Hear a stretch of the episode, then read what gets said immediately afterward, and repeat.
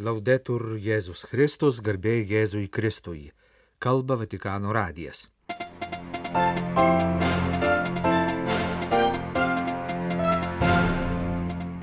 Finansiniai skandalai daro žalą bažnyčiai, reikalingas skaidrumas, sakė popiežius prieimęs fondo iš Junktinių valstijų remiančio bažnyčios veiklą atstovus. Prieš 50 metų popiežius Pranciškus davė amžinuosius įžadus Jėzaus draugijoje popiežiaus ceremonmeisteris paskirtas vyskupu. Vatikane apibendrinti vyskupų sinodo proceso žemyniniai etapai. Įvyko Lietuvos, Latvijos ir Lenkijos vyskupų kontaktinės grupės susitikimas. Hongkongo vyskupas lankėsi Pekine.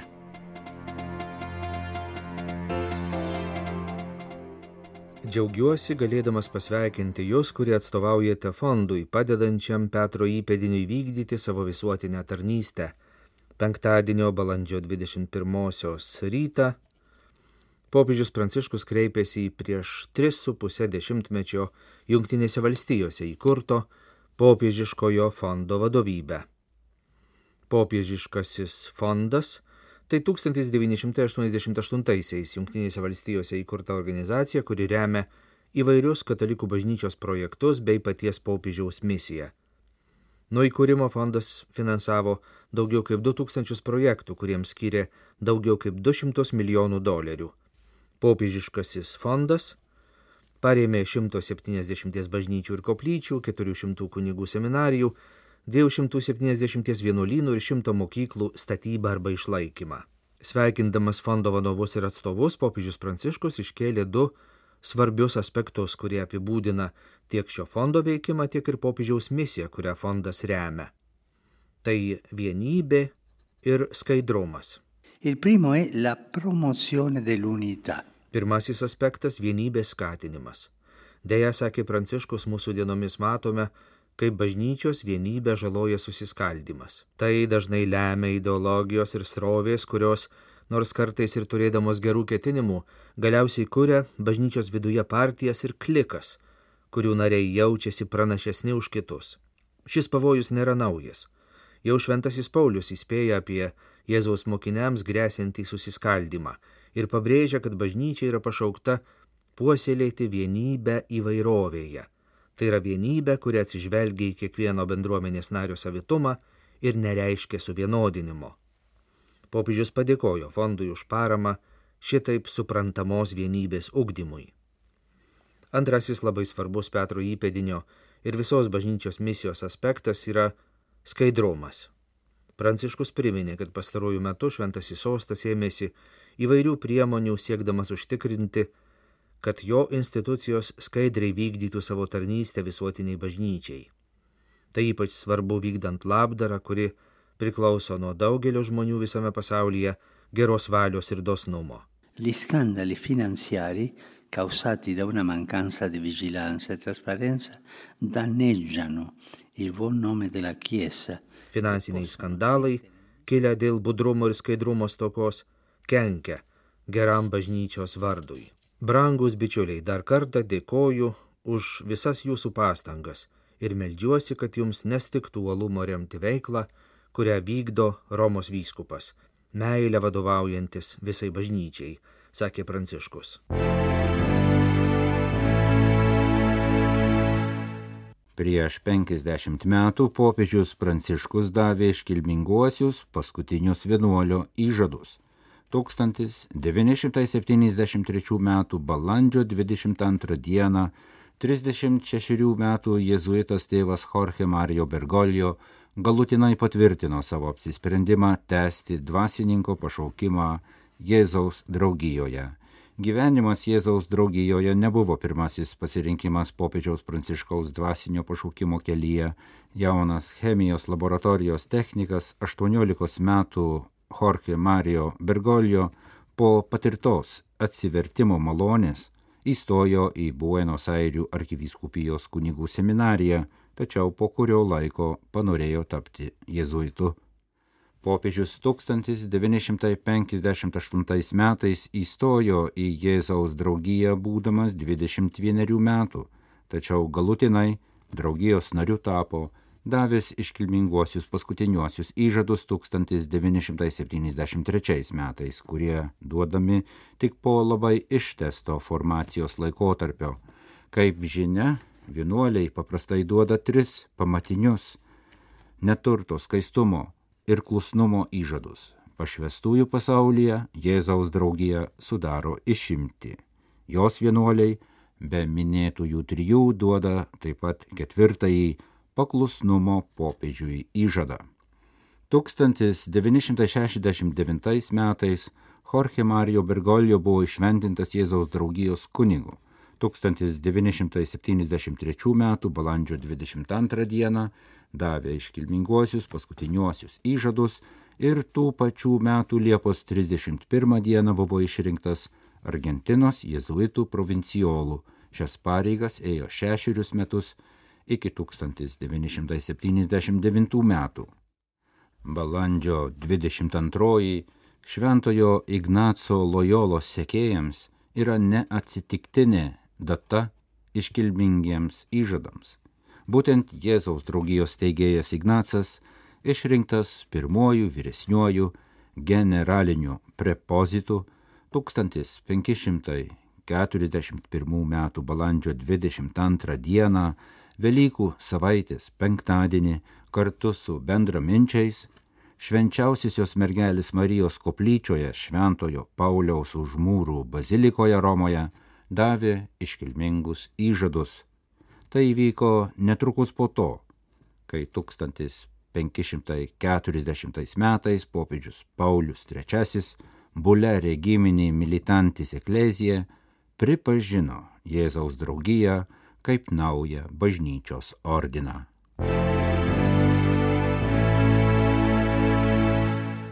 Monsignoras Diego Ravelli, popiežiaus liturginių apieigų ceremonmeisteris ir Siksto koplyčios choro vadovas, paskirtas tituliniu rekanatį vyskupu.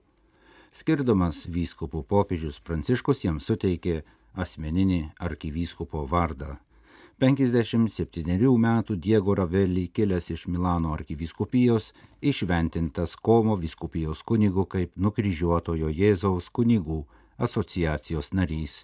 1998 metais jis įsidarbino popiežiaus labdarą skirstančioje išmaldininko tarnyboje ir buvo priimtas į Vėlėtrysenį viskupiją apgynęs liturgijos daktaratą popiežiškajame Šventojo Anzelmo universitete Romoje, pradėjo bendradarbiauti su popiežiaus liturginių apieigų tarnyba. 2006 metais buvo paskirtas tarnybos nariu, tuo pačiu metu nuo 2013 metų ėjo išmaldininko tarnybos reikalų vedėjo pareigas. 2021 metais popiežius paskyrė Diego Ravelį popiežiaus liturginių apieigų ceremonmeisterių ir Siksto koplyčios choro vadovu. Naujasis arkivyskupas Ravelį nuo 2022 metų yra Dievo kulto ir sakramentų tvarkos dikasterijos patarėjas.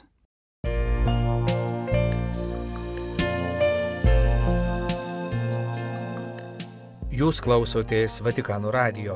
Tęsėme žinių laidą lietuvių kalba.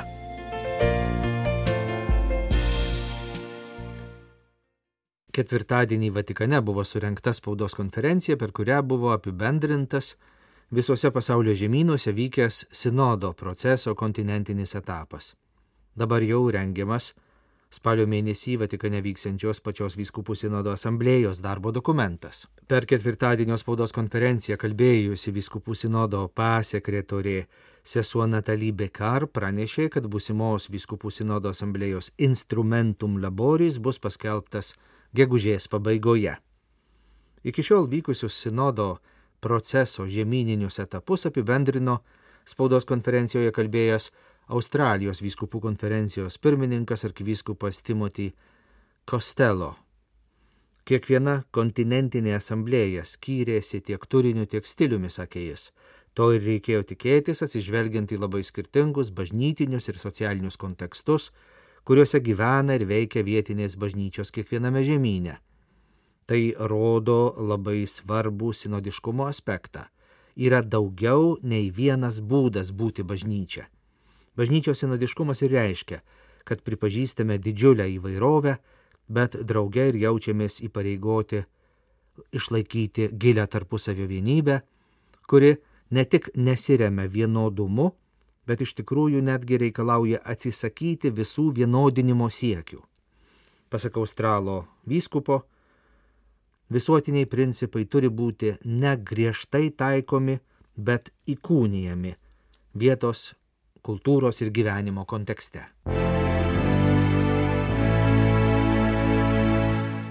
Ketvirtadienį balandžio 20 dieną buvusiame Kamaldulių vienuolynė Vygriuose Lenkijoje baigėsi dvi dienas trukęs Lietuvos, Latvijos ir Lenkijos vyskupų kontaktinės grupės susitikimas.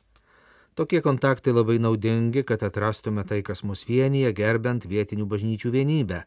Mūsų mintys ir troškimai labai artimi Ukrainai. Po susitikimo Lenkų katalikų žinių agentūrai KAI sakė vyskupų koordinacinės grupės pirmininkas Varšuvos Pragos vyskupas Romualdas Kaminskis. Esame viena bažnyčia ir iš tikrųjų turime daug bendra. Ir tai duoda vaisių. Pavyzdžiui, bendradarbiavimas teikiant pagalbą Ukrainai, pasakė Kaišėdorių vyskupas Jonas Ivanauskas. Karo Ukrainoje kontekste labai svarbu susitikti, nes vyskupai gali pasidalyti pagalbos Ukrainai patirtimi, sakė vietinės Elko vyskupijos vadovas vyskupas Ježi Mazuras pastebėdamas, kad susitikimas vyko per gailestingumo savaitę. Lietuvos ir Lenkijos viskupų kontaktinė grupė buvo įkurta 1994 metais. Nuo 2011 prie jos prisijungė ir Latvijos viskupai. Karitas su nerimu reagavo į balandžio 20 dieną Austrijos statistikos departamento paskelbtus 2022 m. skurdo duomenis šalyje. Duomenys rodo, kad skurdas per pastaruosius metus labai išaugo. Tai pavojaus signalas, sako Karitas prezidentas Monsignoras Michael Lando, kuris ragina imtis skubių struktūrinių kovos su skurdu priemonių. Austrijoje 2,3 procento gyventojų negali sauliaisti tokių išlaidų kaip nauji baldai, atostogos ar pakankamai šildomas būtas. Remiantis statistiką, praėjusiais metais tokių žmonių buvo 1,8 procento. Kunigas įvardyja kitą nerimą keliantį faktą, kad labai skurstančių žmonių skaičius taip pat išaugo nuo 160 tūkstančių iki 201 tūkstančio. Statistika rodo, kad skurdas paliečia vis daugiau žmonių, ką Karitas ir kitos humanitarnės organizacijos nekarta akcentavo nuo pat infliacijos bangos pradžios. Todėl dabartiniai skaičiai turėtų būti aiškus pavojaus signalas vyriausybei. Pasak Austrijos karitas vadovo, tie žmonės, kurie jau prieš krizę kentė skurdą, dabar tapo dar skurdesni. Kunigas pažymi, kad šildomas būtas daugeliui nebėra savaime suprantamas dalykas. Teikdami socialinės konsultacijas matome, kad dėl augančių maisto produktų kainų ir nuolat brankstant energijai atidėję būtinas išlaidas žmonės jau mėnesio pradžioje kitiems dalykams nebeturi pinigų, sako kunigas Lando.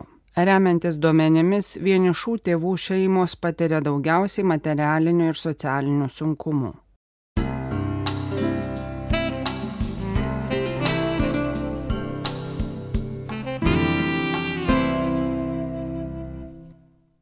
Hongkongo vyskupas aplankė Pekinę 17 amžiaus pradžioje mirusio misionieriaus ir mokslininko tėvo Matejo Ryčiai kapą. Jėzuita misionierių iš Italijos Matejo Ryčiai, Kinijoje žinoma Lyma Du, išminčiaus iš vakarų vardu, Šventasis sostas 2022 metais pripažino garbinguoju Dievo tarnu. Hongkongo vyskupas jėzuitas Steponas Čau į Kiniją atvyko Pekino arkivyskupo kvietimu pirmadienį balandžio 17 dieną penkių dienų vizitui su Hongkongo bažnyčios delegacija. Hongkongo vyskupas Pekine aukotų mišių metu išreiškė vilti, kad tai nebus vienintelė jo kelionė ir kad jis ateityje galės aplankyti kitas Kinijos vyskupijas. Jis sakėsi esas kupinas pasitikėjimo, kad dviejų miestų, Pekino ir Hongkongo vyskupijos, galės plėsti mainus ir bendradarbiavimą, vieni kitus geriau pažinti, kad liudytų Dievo bendrystę. Pekino arkivyskupas Jozapas Ly, einantis Kinijos katalikų patriotinės asociacijos pirmininko pareigas savo ruoštų išsakė vilti, kad abi vyskupijos Pekino ir Hongkongo galės aukti pagal Dievo valią.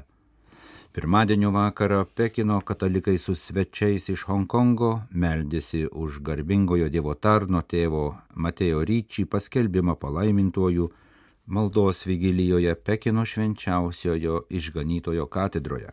Hongkongo vyskupas Steponas Čiau pamaldų dalyviams pristatė Hongkongo katalikų parengtą maldą už naujus evangelizavimo kelius Kinijoje atvėrusio Matėjo Ryčį paskelbimą palaimintuoju misionieriaus Matėjo Ryčiai nepaprastas pavyzdys te sužadina mūsų misionierišką uolumą, kad ir mes gebėtume mokytis, kaip gyventi pagal tiesą, meilėje savo kasdieninėme gyvenime ir padėti kitiems, ypač savo seserims ir broliams kinams, išmokti, kaip tave pažinti ir pamilti, sakoma, naujoje prašymo maldoje. Maldos vigilijos proga Pekino katalikų bendruomenė katedroje parengė parodą apie Matėjo ryčį veiklą Kinijoje nuo 1583 iki 1610 metų. Ateityje žadama nutiesti piligriminį kelią Matėjo ryčį pėtsakais ir kitose garbingai Dievo tarną menančiose vietose Kinijoje. Hongkongo vyskupas Steponas Čiau su jį lydinčia Hongkongo katalikų delegacija, kurios sudėtyje be kitų yra jo vyskupas auxiliaras ir kunigas vikaras, trečiadienį aplankė Matėjo ryčį Lyma Du kapą Pekine. Tėvo Matėjo ryčį ir dar kelių kitų svetimšalių misionierių kapas yra nedidelėse, bet gražiai prižiūrimuose Žalano kapinėse Pekine buvusios komunistų partijos mokyklos, dabar Pekino administracijos instituto kieme. Keturis kartus Kinijoje lankėsis amžino atminimo kardinolas Rožė Ečegerai, popiežiaus Jono Pauliaus antrojo specialių misijų pasaulyje vykdytojas, atsiminimų knygoje aprašė savo apsilankymą 1980 metais prie tėvo Matėjo Ryčį kapo, įvykusi per jo pirmąją kelionę į Kiniją. Beje, kardinolas Rožė Čegerai buvo pirmas vakarų pasaulio katalikų ganytojas, lankėsis Kinijos liaudės Respublikoje po tamsių ir skaudžių kultūrinės revoliucijos metų. Kardinolui įsiminė jį lydėjusio Kinijos kultūros paveldo ministerijos atstovo jam pacituotas istorinis Mingų dinastijos imperatoriaus kanclerio pasisakymas jog Kinijoje dar niekad nesilankė toks šviesus mokslo ir darybių prasme svetim šalis kaip daktaras Matėjo Ryčį. Žemės plotą tėvo Matėjo Ryčį kapui padovanojo Kinijos imperatorius, kuris jėzuitą misionierių ir mokslininką Matėjo Ryčį buvo pakvietęs į Pekiną ir paskyręs savo dvaro nariu.